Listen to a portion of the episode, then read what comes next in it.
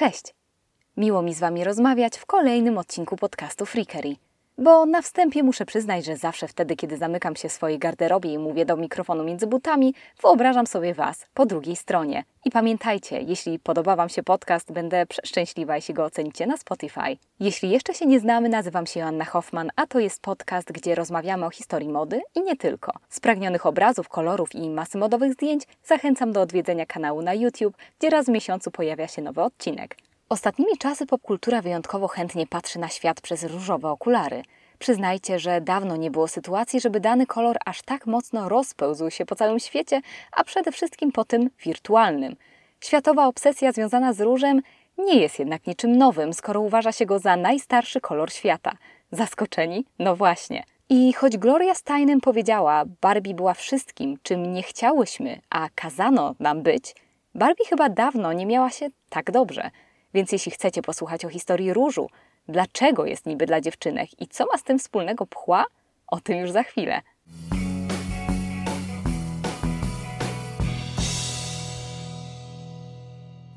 Róż. I już. W najświeższej historii, w okolicach 2017 roku, był czas na Millennial Pink. Pastelowy, elegancki, bezpieczny – Magazyn Expose wspomina nawet o kulturowej obsesji związanej z pastelami, które często wiążemy właśnie z różem. Pastele są bezpieczne, spokojne i powracały w ciężkich czasach, zarówno w recesji lat 70., jak i w kryzysie roku 2018. Później moc koloru wyzwalała się jeszcze bardziej. Był na przykład słynny pokaz Pierpaolo Piccioli dla Valentino na jesień-zimę 2023, gdzie dominował odcień stworzony specjalnie we współpracy z Pantone – końcu był też kolor roku 2023, czyli Viva Magenta, od Pantone właśnie. A na tym wszystkim wisienka filmu Barbie. Jednak historia różu jest dużo starsza, co mniej lub bardziej oczywiste. W 2018 roku naukowcy odkryli skały w Taudenii na Saharze, a tam ślady najstarszego znanego koloru. I był to jaskrawy róż – Jaskrawo-różowy odcień liczący ponad miliard lat jest starszy niż inne znane pigmenty i został wyprodukowany przez starożytne organizmy oceaniczne. I również w 2018 roku Muzeum Fashion Institute of Technology zorganizowało wystawę Pink – The History of a Punk Pretty Powerful Color. To wszystko pod czujnym okiem wspaniałej dr Valerie Steele, która analizowała ogromną moc koloru, który chyba jak żaden inny budzi mieszane uczucia i mimo uroku kontrowersje. W podcaście Dressed Valerie Steele zauważa, że choć ten kolor występuje w naturze, wiele kultur nie poświęcało mu należytej uwagi przez lata, często nazywając go po prostu jasno-czerwonym. Samo angielskie pink pojawia się dopiero w XVIII wieku, a z drugiej strony Chińczycy posiadali od dawien dawna wiele określeń na ten kolor. I kolor różowy zaczął przenikać do szaf jako niesamowicie drogi, importowany z Indii barwnik w okolicach średniowiecza – i zupełnie jak w przypadku spódnic czy biżuterii, chętnie po kolor sięgali mężczyźni, czym wyrażali swoje bogactwo, ale wciąż najczęściej preferowali czerwień. Lepsze i trwalsze barwniki importowane z Brazylii, tu odkrycie rośliny, lepsze i trwalsze barwniki importowane z Brazylii, tu odkrycie rośliny brezylki ciernistej, zaczęły pojawiać się w okolicach XVIII wieku. I znowu tutaj właśnie można mówić o nastaniu pierwszej europejskiej mody na różowy – Rokoko uwielbiało przecież romans z pastelami, od mody po obrazy w czasie, kiedy Francja dyktowała trendy. Po pełnym dramatyzmu baroku artyści zwrócili się ku tendencjom, które były opisywane jako lżejsze i bardziej frywolne.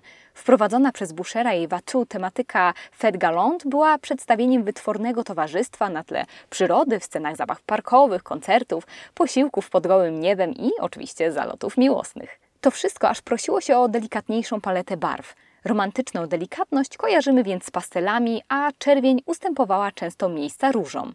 To wszystko prezentowało się idealnie we wnętrzach paryskich, wybaczcie mój francuski, hotels particuliers, czyli prywatnych domach bogatych wyższych sfer. Dodatkowo artyści chętnie sięgali po pastele, jak pisze Met, cytuję, pastele były chwalone w XVIII wieku ze względu na realistyczną jakość i rozkwit, jaki nadawały przedmiotom. Ten charakterystyczny wygląd wynika ze właściwości fizycznych samego nośnika oraz sposobu, w jaki odbija światło. Co z modą? Znowu, dzięki większej dostępności i zaawansowaniu technik barwierskich, róż staje się modny. Idealnie koresponduje z bogatymi strojami, a najzamożniejsi są spowici w odcienie różu, koralu i łososiowego. Nie istniał wówczas podział na preferencje płci odnośnie różu. Na przykład na wspólnym portrecie Ludwika XVI i Marii Antoniny, wykonanym przez Josefa Hosingera, król ubrany jest w różowej tonacji, a królowa nosi się na niebiesko. Jak pisze Tegan Huskinson, tutaj od razu daje znać, że w opisie odcinka znajdziecie wiele, wiele bardzo ciekawych źródeł. Cytuję: Biznes kręcono na różowo. Od zlecania nadwornym artystom malowania na różowo po zakładanie fabryk produkujących luksusowe towary w kolorze różowym. Różowy był potęgą. Jego popularność rozprzestrzeniała się z Francji, światowego centrum mody, na całą Europę Zachodnią dzięki bogatym mężczyznom i kobietom, którzy wybierali róż na kolor swoich sukni i haftowanych jedwabnych płaszczy. Różowy rozprzestrzenił się po pokojach i na ubraniach. Oczywiście róż miał też swoje twarze. Madame Pompadour, ówczesna It Girl, kochała różowy. Powstał nawet odcień różu Pompadour. Stworzył go chemik Jean Elot, pracujący dla markizy przy produkcji porcelany. A jak przy niej jesteśmy? Istnieje słynny portret pędzla Bouchera, gdzie Madame nakłada róż w różowej sukni. A makijaż aż do lat 20. XX wieku miał zawsze tę drugą stronę, bo oczywiście ponsowiałe lico kojarzyło się ze skromnością i wstydem, ale z drugiej strony z erotyzmem i pożądaniem. A jak ktoś musiał domalowywać sobie rumieńce, to pewnie nie dało się go zawstydzić i coś tam miał za uszami. I w ogóle, róż to przecież kolor ciała, jego najintymniejszych zakamarków. W etymologii angielskiego pink możemy nawet przeczytać, że wcześniejszym określeniem na kolor było incarnation, w kolorze ciała, czyli róż od zawsze meandrował gdzieś pomiędzy niewinnością a erotyką. Stopniowo w XX wieku z mody męskiej wytrącał się róż. Dlatego coraz częściej kojarzono go też z kobiecością, nie z rokokowym bogactwem. Kolejną eksplozją popularności różu były lata 50., kiedy nowy porządek świata, tym razem importowany z USA, miał pokazywać powrót do tradycyjnego podziału ról kobiet i mężczyzn sprzed II wojny światowej. Kobiety do domów, żeby wyglądały i zachowywały się po kobiecemu. Ubrania, kuchnie, samochody, nacisk na niewinność i stary porządek. Niemniej róż zachował swoje dwie twarze. Mamie Eisenhower w różu była konserwatywna, ale Marilyn Monroe zupełnie nie – i skoro róż był popularny, czy sięgali po niego mężczyźni?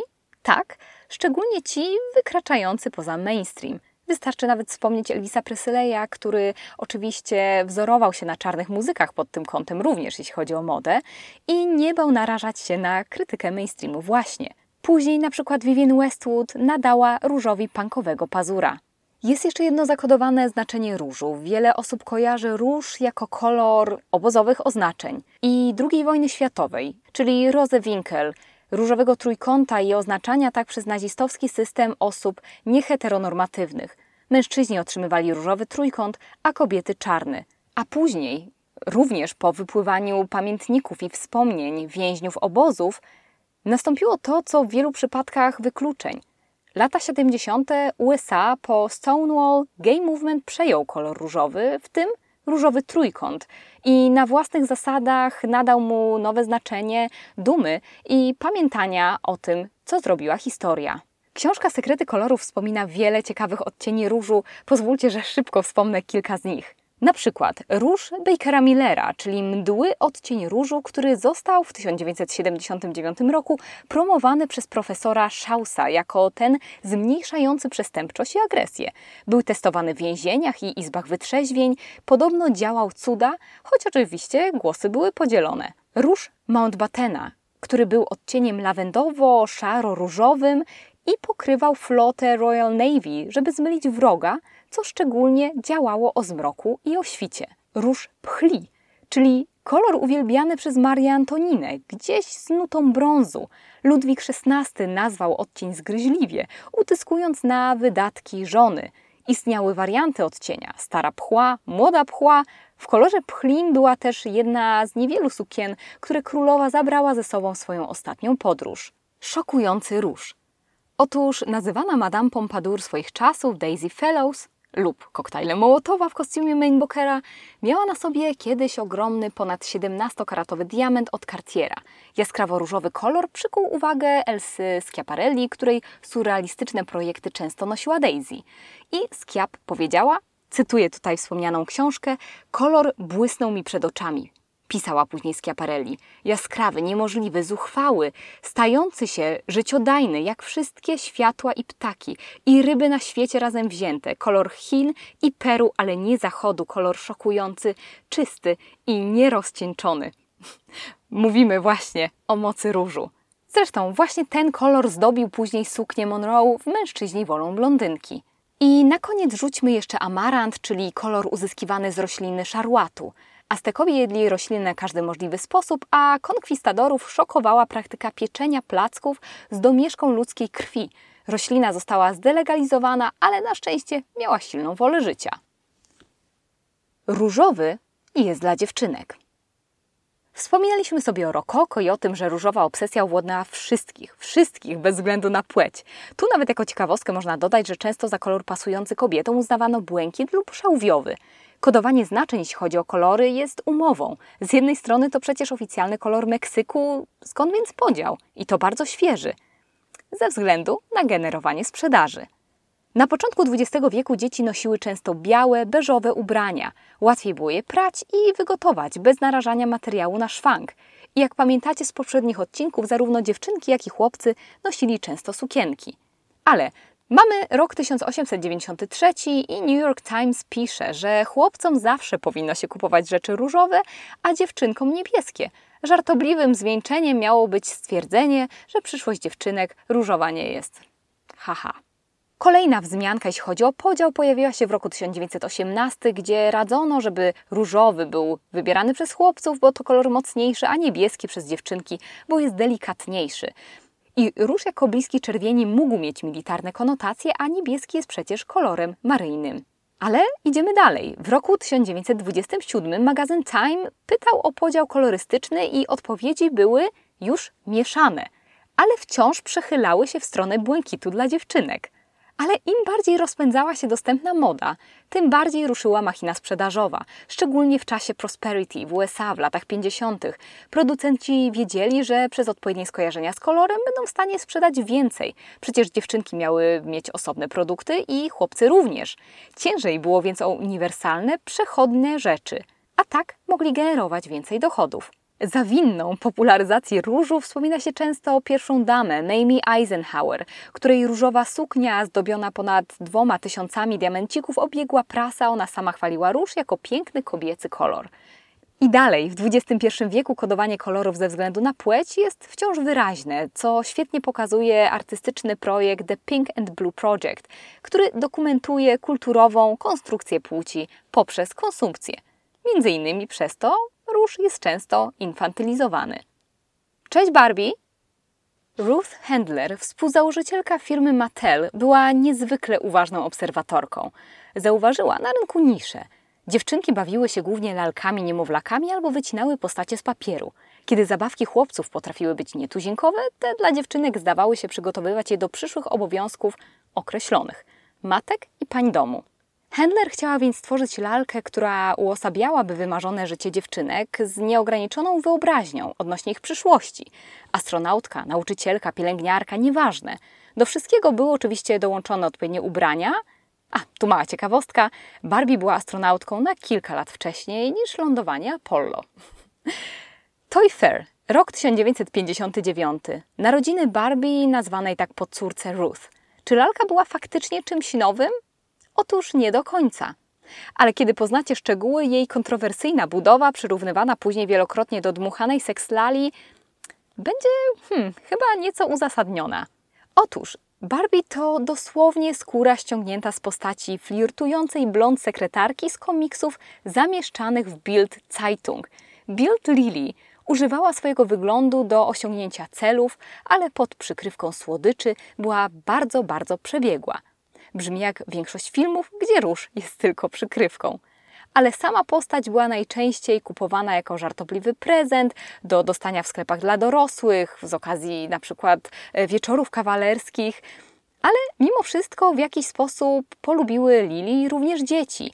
I właśnie tę lalkę dostrzegła Ruth, a raczej jej córka, na wakacjach. Córka była zahipnotyzowana. Mattel, innymi słowy, ukradło design, a cała sprawa miała również finał w sądzie. Od chwili premiery lalka stała się hitem, marketing działał sprytnie, reklamy kierował do dzieci w trakcie programów dla dzieci, a lalki były stosunkowo niedrogie. Choć Barbie stała się przez lata symbolem krzywdzącego stereotypu kobiecego ciała, a co więcej niemożliwego do osiągnięcia ze stopami w formie obcasów i proporcjami butelki Coca-Coli, Handler wymyśliła poręczną lalkę, która wyglądałaby świetnie we wszystkim.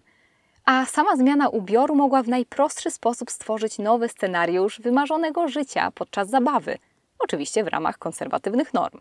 Sama Handler pisała – w przeciwieństwie do zabawy niemowlakami, w której mała dziewczynka jest właściwie ograniczona do odgrywania roli mamusi, Barbie zawsze miała reprezentować fakt, że kobieta ma wybór.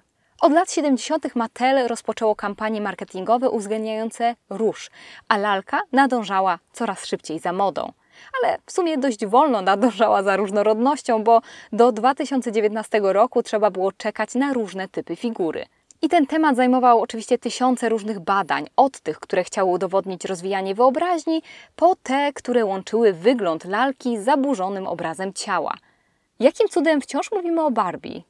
Na pomoc przychodzi wspominana już wcześniej Steel, bo Barbie tak naprawdę zaczęła się w Niemczech, będąc swego rodzaju lalką erotyczną. Potem w latach 50. i 60. nosiła ubrania jak z wybiegów, a dopiero w latach 70. stała się stereotypową różową lalką. Jej uśmiech stał się większy, jej włosy stały się jaśniejsze i dłuższe, a jej garderoba stała się bardziej różowa. I znowu jesteśmy na granicy czegoś słodkiego i wulgarnego jednocześnie a używanie tego szczególnego odcienia różu pozwoliło Mattel po prostu znowu sprzedawać więcej rzeczy. Lalka przez lata stanowiła punkt odniesienia dla wielu artystów od Warhola do Newtona i wielu innych. I taka mała poboczna ciekawostka, najlepiej sprzedającym się modelem Barbie w historii była Totally Hair Barbie. Barbie Core Women's Wear Daily wspominało, że różowy trend jest już teraz postrzegany jako ucieczka od realiów trudnych, takich jak wojna w Ukrainie, inflacja, ekstremalne zjawiska pogodowe na całym świecie.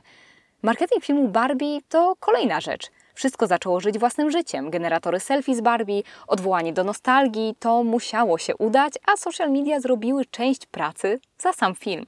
Czy social media znalazły na cały różowy trend swoją nazwę? No, no pewnie, ma etykietę, tu zero zaskoczeń, Barbie Core. Symbol dziewczęcego, rzadziej kobiecego, piękna i wdzięku. Skąd te wszystkie kory? Wiele tropów prowadzi do trend forecastingowej firmy Keyhole, która w 2013 roku ukuła termin Normcore, a później się zaczęło Gorpcore, Grandma Core, Cottage Core i cała reszta. Jeśli się w tym wszystkim gubicie, jak czasem ja, polecam zajrzeć na Asterix Wiki, ale przecież może właśnie o to chodzi. Jest taka fala mikrotendencji, że absolutnie każdy może znaleźć swoją niszę, a to, co najprostsze, ale nagle nazwane, urasta do czegoś, z czym można się identyfikować, to cała otoczka, więcej niż tylko ubrania. I właśnie, gdzie się nie obrócić, widać kadry z filmu Barbie, analizy ubrań Margot Robbie, cieszenie się tym, co może i uchodzi momentami za kicz, ale przecież taki pyszny. A no i jeszcze mówi się, że team marketingowy filmu Barbie powinien dostać podwyżkę. Amerykański Vogue już w zeszłym roku zauważył, że wyszukiwanie Barbie Pink na Depop wzrosło o niemal 100%, a raport List z zeszłego roku 2022 Year in Fashion wspominał, że Barbiecore było top trendem roku 2022. Czy samo zjawisko Barbiecore jest nowe? Nie do końca. Przez celebrycką popkulturę lat 2000 sama przecież dorastałam w Britney Spears i Paris Hilton, ówczesny brokat róż i ubrania wyciągnięte z szaf nastolatek, to wszystkie już było.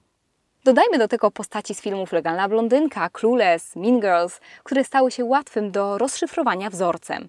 Tak zasięgowe tendencje nie biorą się znikąd. Mówi się często, że to ta druga strona postcovidowej mody za quiet luxury, o którym sobie mówiliśmy ostatnio, było dopamine dressing, czego róż i zabawa symbolem beztroski jest przykładem. To kojący eskapizm w czasie, kiedy absolutnie wszystko jest mierzalne i dogłębnie analizowane. Poza tym róż i wejście w świat Barbiecore nie jest trudne i nie jest drogie, jest tak naprawdę dostępne. Można byłoby się zastanawiać, w czym tkwi siła rażenia tego trendu. Dla niektórych, prócz tej dozy zabawy, konwencją, jest jeszcze coś. Trend jest pojemny, ma w sobie wiele odniesień, tak wiele, jak wcieleń miała sama Barbie, od szanelkowatych kostiumów po ejtisowe brokaty. ale zawsze w tej dozie różowej ultrakobiecości. To bardzo ciekawe, bo od lat mówi się o Barbie głównie w kontekście niesprawiedliwego i wąskiego spojrzenia na kobiece ciało, ale tym razem odbiorcy jakby wzięli ten archaiczny symbol dziewczęcych marzeń i zdefiniowali na nowo, właśnie burząc to status quo, trochę drwiąc tego awatara kobiecości i zapraszając do świata Barbie wszystkich. Sama reżyserka filmu, Greta Gerwig, wspomina, że Ken został wymyślony po Barbie, aby poprawić pozycję Barbie w naszych oczach. Może, ale tego rodzaju mit o stworzeniu jest przeciwieństwem mitu o stworzeniu z Księgi Rodzaju. Co z wybiegiem? Tu oczywiście też była masa odniesień. Jeremy Scott i kolekcja Moschino z 2014 roku, gdzie wspomniał, że nie ma innych punktów odniesienia, bo Barbie tak naprawdę zawiera wszystko. Były też tegoroczne pokazy Versace i Chanel z roku 2023, a co więcej, nawet w roku 85 Barbie otrzymała możliwość noszenia miniaturowych ubrań spod ręki Oscara de la Renty, a w latach 2000 Patricia Field, odpowiedzialna za kostiumy do seksu w Wielkim Mieście, stworzyła nawet swoją kolekcję z Mattel. Czy sam trend jest krytykowany? Jak najbardziej. Na przykład Geraldine Worry wspomina, czy Barbiecore jest również objawem utraty oryginalności? Przecież wpycha viralowość do gardła, traci znaczenie i staje się smutnym odzwierciedleniem presji, jaką media społecznościowe wywierają na ludzi, aby dostosowywali się do określonego trendu lub wyglądali w określony sposób, szczególnie w przypadku młodych kobiet. Dla niej zresztą każdy core to nie tyle trend, a kolejna lista zakupów. Bimbo Core Często przy okazji analizy obecnego trendu Barbiecore nawiązuje się do jeszcze jednej rzeczy, bo wiemy, że Gen Z jest wciąż zatopione w nostalgii za latami 90. i 2000 jako trochę za takim ostatnim, prawdziwym czasem. Oczywiście to też forma eskapizmu – Właśnie wtedy powstały też wspomniane już e, dzisiaj kultowe komedie Legalna Blondynka, Clueless, Mean Girls. Na popularności zyskiwał show Simple Life, Szybsza Machina Medialna, Paris Hilton, Nicole Richie, Lindsay Lohan, których wizerunek był często, sama dobrze pamiętam, ośmieszany i łączony z głupotą. Mini, kryształki, biodrówki, wystające stringi i krótkie topy, dresy Juicy i Hello Kitty – i nagle na fali postpandemicznej nostalgii to wszystko, z czego śmiało się na przykład moje pokolenie, bo obciachem było przyznawać się do lubienia na przykład tych popkulturowych postaci, serio, to pamiętam, to wszystko wróciło. Wróciły też wspomniane wcześniej filmy i zupełnie jak w przypadku różu, celowe używanie tego obrazu bimbo, brak wstydu i pozy tak zwanych pick me girls – które mówią nie jestem jak inne, pozwoliło na nadawanie nowych znaczeń. Wcześniej chętnie była przytaczana narracja brains over beauty, inteligencja ponad wygląd i zachowawczy wizerunek, żeby być traktowaną poważnie. Teraz bywa różnie. Czy to wszystko ma swoją nazwę? Oczywiście Bimbo Core. Bimbo, czyli angielskie określenie na atrakcyjną, ale naiwną i niezbyt inteligentną kobietę. Chociaż, tu ciekawostka, oryginalnie termin był użyty po raz pierwszy w roku 1919 w odniesieniu do mężczyzny. Barbiecore część swojej obecnej popularności zawdzięcza TikTokowi, gdzie mm, właśnie postać Bimbo jest postrzegana jako antidotum na kulturę girl boss ma na celu nadanie ponownego znaczenia terminowi bimbo poprzez hołdowanie hiperkobiecości, zabawę konwencją. To z kolei wiąże się z odrodzeniem zainteresowania modą i popkulturą lat 2000, zmieniając narrację kobiet takich jak Paris Hilton czy Britney Spears, którym odmówiono własnego głosu na początku XXI wieku. Wiele artykułów poświęconych zjawisku wspomina często Chrissy Chlapecki jako popularną przedstawicielkę bimbo w social mediach. Ona sama ironicznie zatopiła się w tej estetyce i mówi: Bimbo zawsze było słowem używanym przez mężczyzn. Kiedy używam go sama, to mój sposób na uznanie własnej mocy, żeby zmienić obelgę w coś pozytywnego. I to zamieszanie w czarno-białym postrzeganiu, albo słodka idiotka, albo poważna i mądra, gdzie jedno ograniczenie potrafiło zastępować inne. Oczywiście, że odbiór tej nieco ironicznej estetyki jest przeróżny. Pojawiło się wiele artykułów, które widzą w Bimbokor z jednej strony zaprzepaszczenie powolnych zmian ostatnich lat, a z drugiej widzą, jak wyzwalające może być wbicie się po szyję w kreowany przez męskie spojrzenia stereotyp. Dla wielu bimbo doświadcza w pełni swojego ciała i seksualności. Kate Zambrino wspominała, że krytyka feministyczna czasami wpada w narrację karzącą kobiety, które są zbyt kobiece, co odzwierciedla wstręt do przesady, a ten pochodzi prosto z patriarchatu. Jak widzicie, mamy masę, masę różnych polaryzujących się opinii. Dodatkowo pojawiają się głosy, że nie tyle ważna jest sama estetyka, a podejście do ubrań, które przede wszystkim dostosowują się do konkretnej social mediowej subkultury i tak dalej, i tak dalej. Cała lista ciekawych artykułów i źródeł dodatkowych jak zawsze w opisie odcinka. I zarówno Barbiecore, jak i Bimbocore mają też za zadanie zmierzyć się ze stereotypem, gdzie ta ultrakobiecość i kicz były trochę jak guilty pleasure, a każda inteligentna osoba stara się przecież, żeby nie wyglądać tanio, głupio i łatwo. To bycie lekceważonym ze względu na wygląd i nagle wyskakiwanie z czymś zaprzeczającym pozorom. Niespodzianka! To zabawa estetyką, po prostu. Estetyka bimbo nie dotyczy przecież już nawet tylko białej kobiety i w przeciwieństwie do girlboss nie chce spoglądać na siebie przez męską soczewkę. Jak z tym różem? Jak widzicie, był naprawdę od zawsze, a teraz wraca w swojej mocno nostalgicznej odsłonie. Bo róż ma przecież wiele odsłon. Jest plastikowy, neonowy, szokujący, seksowny, słodki, nostalgiczny jednocześnie. Celowo bywa tandetny i kampowy z założenia. I bawienie się nim i wszystkimi stereotypami to rozszerzanie definicji bardziej inkluzywnej kobiecości bez pokazywania ja to na pewno nie jestem tak jak ty.